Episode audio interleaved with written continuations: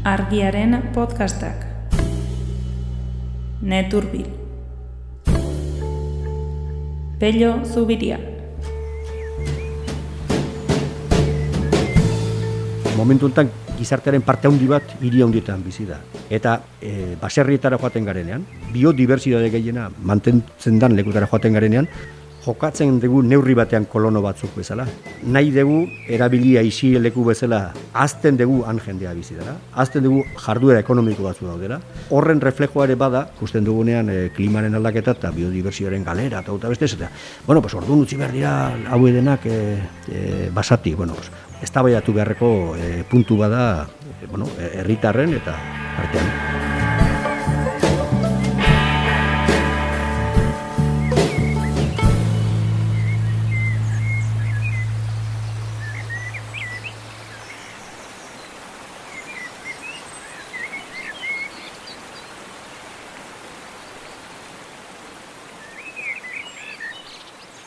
Kaixo, peio, egunon. Egunon eritz eta egunon hor dagoen entzule horri. Hori da, egunon, o, kaixo entzulei ere eta bai, ongi etorri. Gauen, gauen nahi baldin bada. Gintonik batekin. Beti gure... zaten dugun bezala, komeni dena bakitzak hartu dezala eta... Gintonik batekin gure elkarrezketan mamitsua. Ez da plantxarra, ez? Ez da plantxarra. Bueno, bueno. Beno, gaur e, ekologismoaz arituko gara, zehazki e, wilderness, ingelesezko kontzeptuaren inguruan mm -hmm. nik gaizki eta azkar azalduko dut e, wilderness litzake biodibertsitatea berreskuratzeko eta klima aldaketa e, kontrolatzeko edo e, gelditzeko e, lur eremu zabalak berriro basati ustea. Ez? Alako... Bai. bai, wilderness da, e, azkenean, basatiaren kontzeptua. Hmm. Lo salvaje, esango nuke, e, espainolez. Eta e, orduan, e, horrena azpian dagoena da, nolabait, e, mundua basatia zenean, beraz, gizakiaren esku hartzei gabe, dena ondo joan. Hmm. Eta orduan zen biodiversitatea. Eta oain gizakiaren esku hartzearekin, matez askoz gehiago gabe, dihua gaizki. Beraz, utzi ditzagun alik eta puska gehienak salvaje. Mm. Orduan, nolabait, hori entzuten da asko potentziatzen e, e, konzeptu eta eta helburu bezala. Azken urteetan horrek indar deixenteko bai, indarra hartu bai, du, ez? Kontzeptu bai. horrek eta norabide horretan e, bai, bai. Ba, ekologismoaren arlo asko norabide horretan bai. doaz. Bai. eta ekologismoarena, eta gero esango genuke, oain klimaren aldaketarekin eta sartu zaigun kangelo oroko honetan, ba, baita ere, e, agintariak eta sistema ekonomikoa inkluso, esaten nahi da, bueno, e, nolaz eta biodibertsitatea eta klimarentzako eta ona dana da, salvaje hori, pues, hartu, e, aukeratu itzagun munduan eremu batzuk, eta hmm. hoiek bihurtu itzagun berriz ere, e, utzi itzagun abandonauta salvaje, basati. Hmm. E, artikuloan jartzen duzu nazio batuen erakundeak ere txina adinako lurreremu bat e, utzi nahi duela basati edo be, berreskuratu bai, dio utzi, utzi behar dela, bai. Dio utzi behar dela. Bai, bueno, egia da gero e, wilderness edo basati uste horri batzuk eta besteak ez diegula igual e, e, e, kontenido berdin ematen, baina hori hori da inzuten ez da baidan sartu nahi mm. dena. Hau da, e, zer da e, e, klima eta, eta batez ere biodibertsitatea berreskuratzeko, azteko, zaintzeko gelditzen dena eta berreskuratzeko eta regeneratzeko e, zer, zer idetzen diogu basati guztea. Mm. Orduan, batzuek e, hor sartzen dute gizakia, besteak batez, baina e, hori da, hain zuzen, aipatzen dugun artikuluan, aipatzen da, e, lantzen dan azterketak, e, saiatzen dana mamitzen. Hori da, ez, ikerketa bat egin mm. berri dute, amazazpi mm. zientzialarik okerrezpanago, bai. eta eure pixka diotena diote wilderness e, kontzeptu hau, edo basati ustearena berreskuratzeko, bai. biodibertsitatea mm. berrizpizteko, ez dela hain hain zuzena, edo, bueno, kontzeptua bai. bera, edo bide hori agian ez dela hori, mm. e, gizakiak nolabait betidanik landu bai. izan duelako, modu batera edo bestera lurra. Nik horrela bai, dut. Bai, e, ze, e, nolabait, e, honen aurretik gertat, gertatzen nahi da, eta horregatik azten dugu artikulu aipatu ze Mikel, Mikel Iribarren argiako mm. kolaboratzailea den aspalditi, baina batez ere, e, LBko laboraria da iparaldean, LBko buruetako bat, eta eta gaur egun itxasuko alkatea. Eta artikulu batean duela gutxi aip, titulua jartzen zion, gizakia edo, edo, gizona eta natura e, eskuz esku ala buruz buru. Hmm. Da, elkarren kontra ala, elkar, ala elkarren lagunduz.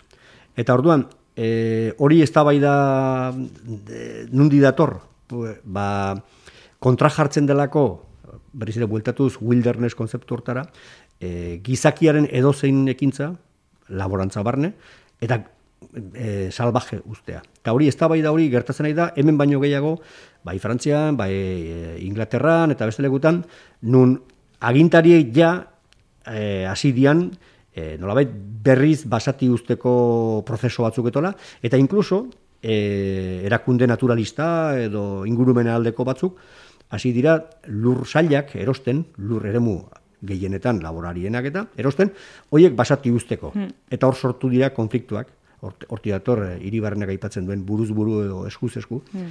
Eta hori argitzera, e, edo, argitzeko ere balio dezake egite duten. Hmm. Nen komentatu duzu ordea, wilderness kontzeptua baita e, nola e, ulerkeran egon daitezkela ezberdintasunak bai, eta ikerketa bai. egiterakoan hiru lur mota bere iztu dituzte, bai, ez? Bai, orduan, berak, e, nola bait, gainera, hau e, lideratu duen e, zera, arkeologoa, oin ez gogoratzen zu ikusiko zu er, erresago izena, e, arkeologo iparamerikar bat. E, Eli, Elis. Hori da. E, horrek, Erle, el, Elis. Erle Elis, hori da. E, hori da e, sortu duena e, biomaren barruan antroma deitzen den konzeptua. Mm. Bioma baldin bada, e, nolabait, ezaugarri berdintxuak, edo ezaugarri ba, e, bai, berdintxuak dituen e, bizi eremu bat, ba, antroma da, gizakiaren esku hartzea modu berdintsuan antolatuta daukan lur eremu bat. Torun horri daukionez, hau da, gizakiaren esku hartzeari buruz, e, iru, sailkapen egite dituzte. Hau da, gizakiaren, gizakiak bat ere eskuik sartu gabeko e, eremuak, mm. hoiek lirateke, benetan wilder, edo salbaiak, edo basatiak, gero dia, nolabait, e, intensidade gutxiko esku hartzea daukatenak, eta hor sartzen da e, ba oraintela gutxi arteko nekazaritza eta osea gradu diferentetan mm. ba hartzaintza eh eiz bilketa eta eta bar eta gero hiruaren grupoa da benetan gizakiak intensiboki eraldatutako e, e, antromak edo e, biomak eta orduan hor sartzen dira noski e, bai nekazaritza industrialean gaur egun gehiena dana munduan e, bai hiri eremuak, e, industria mm. eta bar. Orduan, no, e, amazazpi ikerlari gozatutako talde multidisciplinar honek, eta hor daude antropologo, e, arkeologo eta bar, egin dute azken amabi mila urtetako hortaz dagon informazio guztiaren errepasoa, eta haber nola kokatzen dan, eh? e, nola nola izan den garapena, hmm. edo, edo munduaren evoluzioa, ama mila urte hauetan. Eta hor, beren lehen e, konklusioa, eta behar bada beak ere pixka darritu dituena, baina gero zalaparta pikin hortan gehien antolatu duena izan da, orain arte esaten baldin bazan, e, duela 6 mila urte munduaren parte gehiena salvajea zala, basatia zala, beak esaten dute, ez ez, Ez orain dela 6 mila urte, orain dela ama bi mila urte, jadana, jadanik e, munduaren erena baino gutxiago zan, edo erena, erenetik bera zan, ez, benetan salvajea. Hmm. Beste guztian gizakia eskua sartuta zeukan. Horrek atentzioa deitzen du, eta gure inguruko jendaskok e, meziko luke, az, e, lana e, interneten bidez e, klikatzeko eta arkitzeko moduan da. E, inglesez da, baino ez da luzea, beraz, itzultzaile batekin ere e, ulertzeko modukoa, e, inglesez dakin batek, eta grafikoz eta osatua. Orduan, e, hau harrigarria dirudi, ez da? Mm, e, bai, bai, bai. E, ama mila urte, hola zela, benetan basati hain gutxi zela. Bueno, e, argian beste artikuloren batean, edo beste, aipatu genuen, ze gertatu zen, duela amabos bat urte, e, edo, lehenago izango zian zenbait aditu, baina dela amabos urte, pixka zabaldu zen, Amazoniaren eredua, edo adibidea. Amazon, Amazonian oraindik ere uste dugu askok, eh? E, erretzen ari dienak eta izorratzen ari dienak zera e, baso erabat salvajeak edo basatiak. Eta hauek esaten dute, segituz e, zenbait ikerlarik eta indako, ezak, ikerlarik esan nahi dut, arkeologok eta, mm. ez ez, baina hor gizakia bizizan. Gizakia bizizan modu ez intensiboan. Hori da. Baina baso horiek neurri batean, e, neurri txiki batean, baina neurri batean eraldatuak zeuden.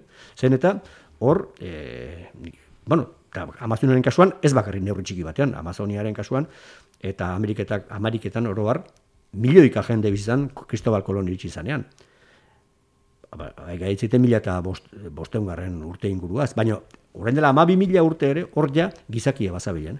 Eta horren arrastoa daude, berak arkitzen dituztenak, ba, bai, e, bai ikatzean, bai konstrukziotan, edo baita ere, landare diaren eta abereen e, evoluzioan eta distribuzioan. Mm. Gainera, ikerketa honek pixkat e, erakusten du esku hartze horrek edo lantze ez intentsibo horrek onurak ere ekartzen dizkiola. Bai, bai biodibertsitateari, bai lurrari ez, pixkat bai. espazioak sortu, e, bai, hortan, bai, hortan kuriosoa da, e, bat egiten du, e, zera, emai, e, honek, iker, ikerlanen honen emaitzak, e, permakulturan eta esaten danarekin, hmm. eza? Eta da, nolabait, e, aberastasuna ertzetan dagoela da printzipioetako bat, ba, modu orokorrean esan da, eh? Orduan, e, azterketa honek esaten duena da, baso, e, baso era bateko itxian eta gizeakiri gabekoan, baino biodibertsitate gehiago dago e, basoaren ertzetan. Eta e, bueno, hori hemen Euskal Herrian da beste legutan ezautzen dugu, osea, gure janari gehienak hor hor sortzen dira eta bionaiztasun handiena hor da. Hori da e, atera duten beste konklusioetako bat.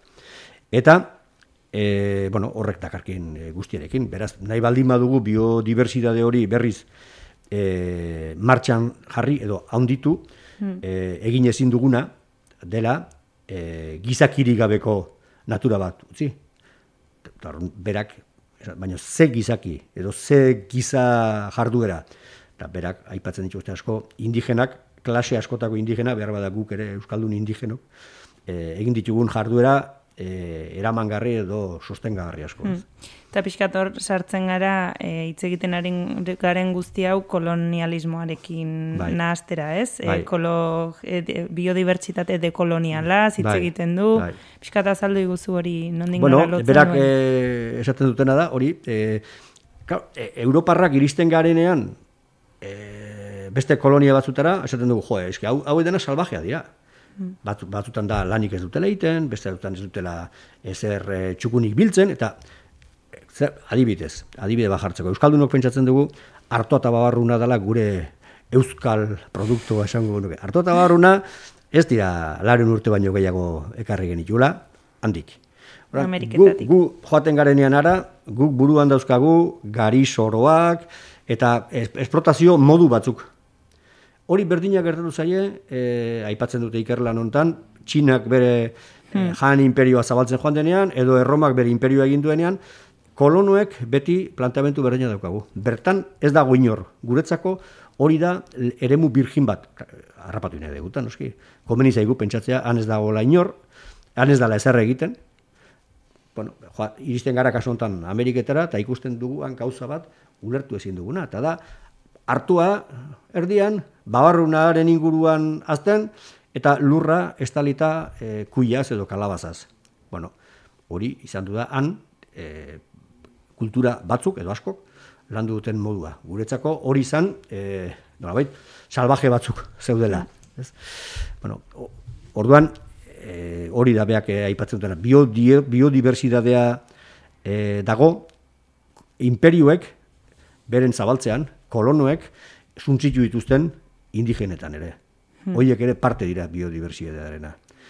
Aldortatik, ba, oso iradokitzailea da hmm. e, azterketa hori. No, Piskat dago lurra lantzeko modua inposatzearena, ez? Hoi da. E, askoz bai. modu intentxoago batean, edo, bueno, bai, bai. lurra bai. lantzeko modu esplotatzaileago batean. E, ba, badaude olako kaso asko, ez e, art, e, artikulu hau, beak publikatu duten artikulu edo ikerlan hau, e, ez dakit, amabi horritan sartzen da. E, baina badaude linea, linea ontatik e, azkeneko denboretan sortu diran informazio asko, informazio kontrastatuak, eta adibidez, pues, aipatzen da, no, zer gertatu, oza, nola, e, izokiaren kultura bat adibidez, bazen, e, zenbait herrialdeetan, zenbait herri, herri indigenetan, Ameriketako Pazifiko alde hartan haiek izokiak, izokiarekin bizitzeko bazokaten beren estrategia eta beren mundua montatuta.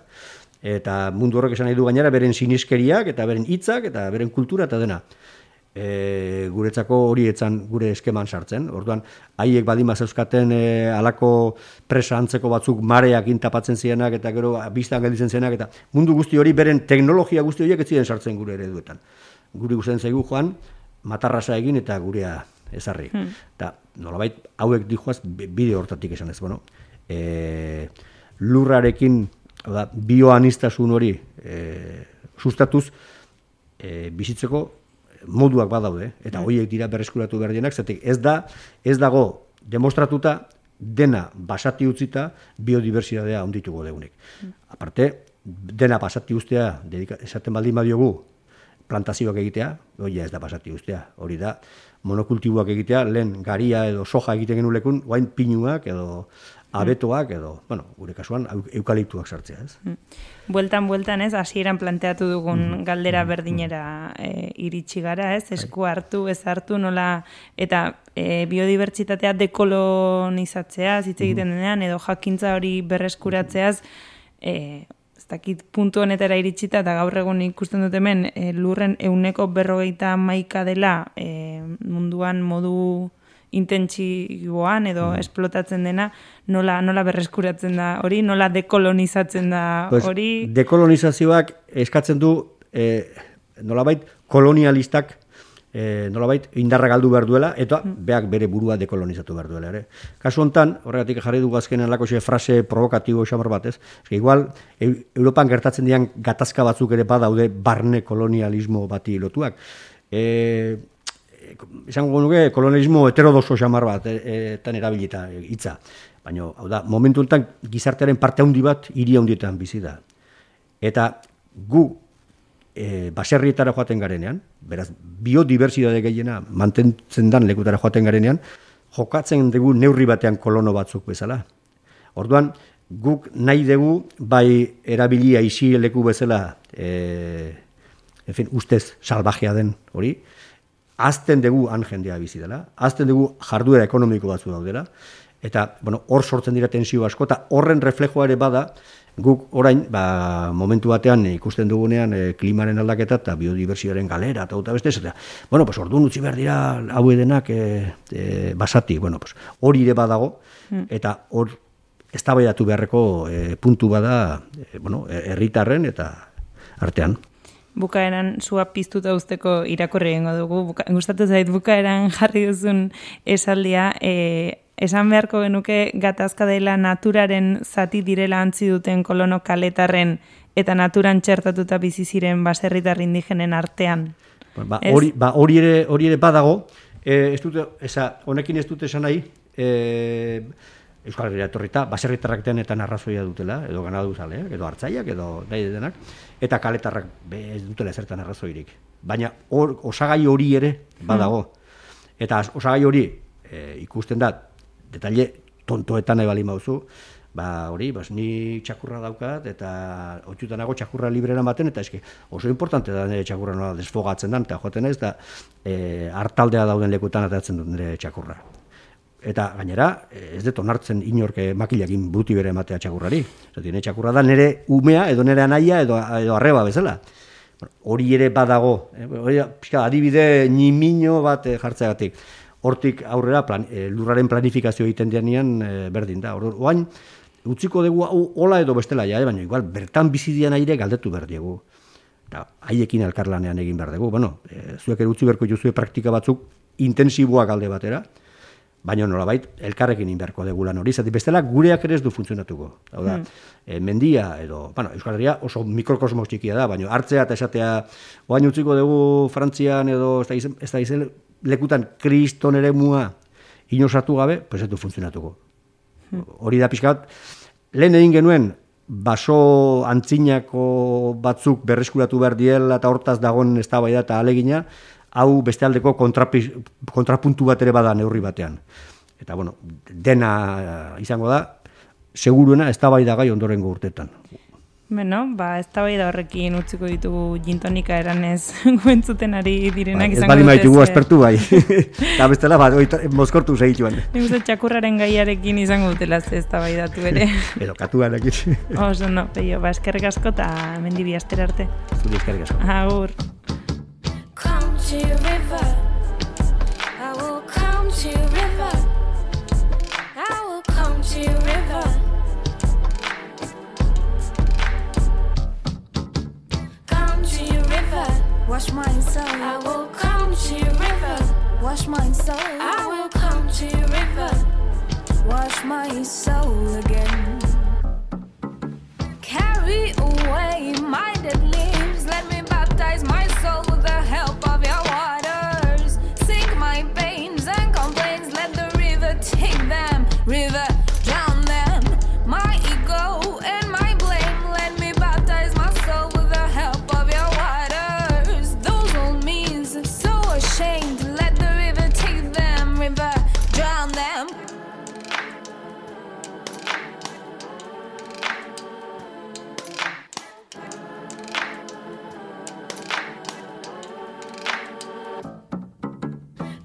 to your river.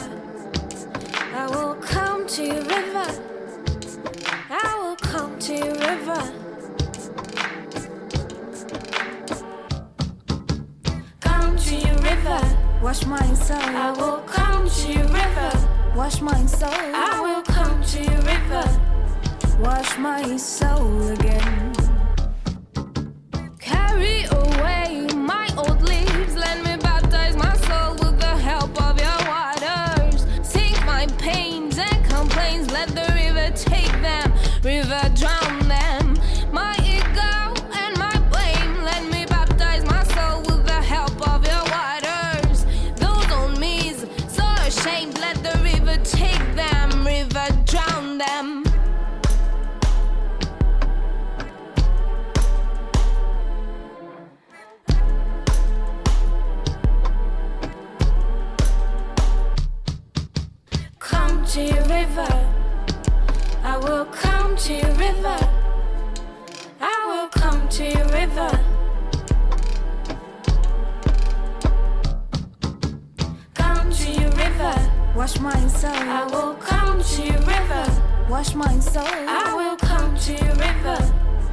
Wash my soul again.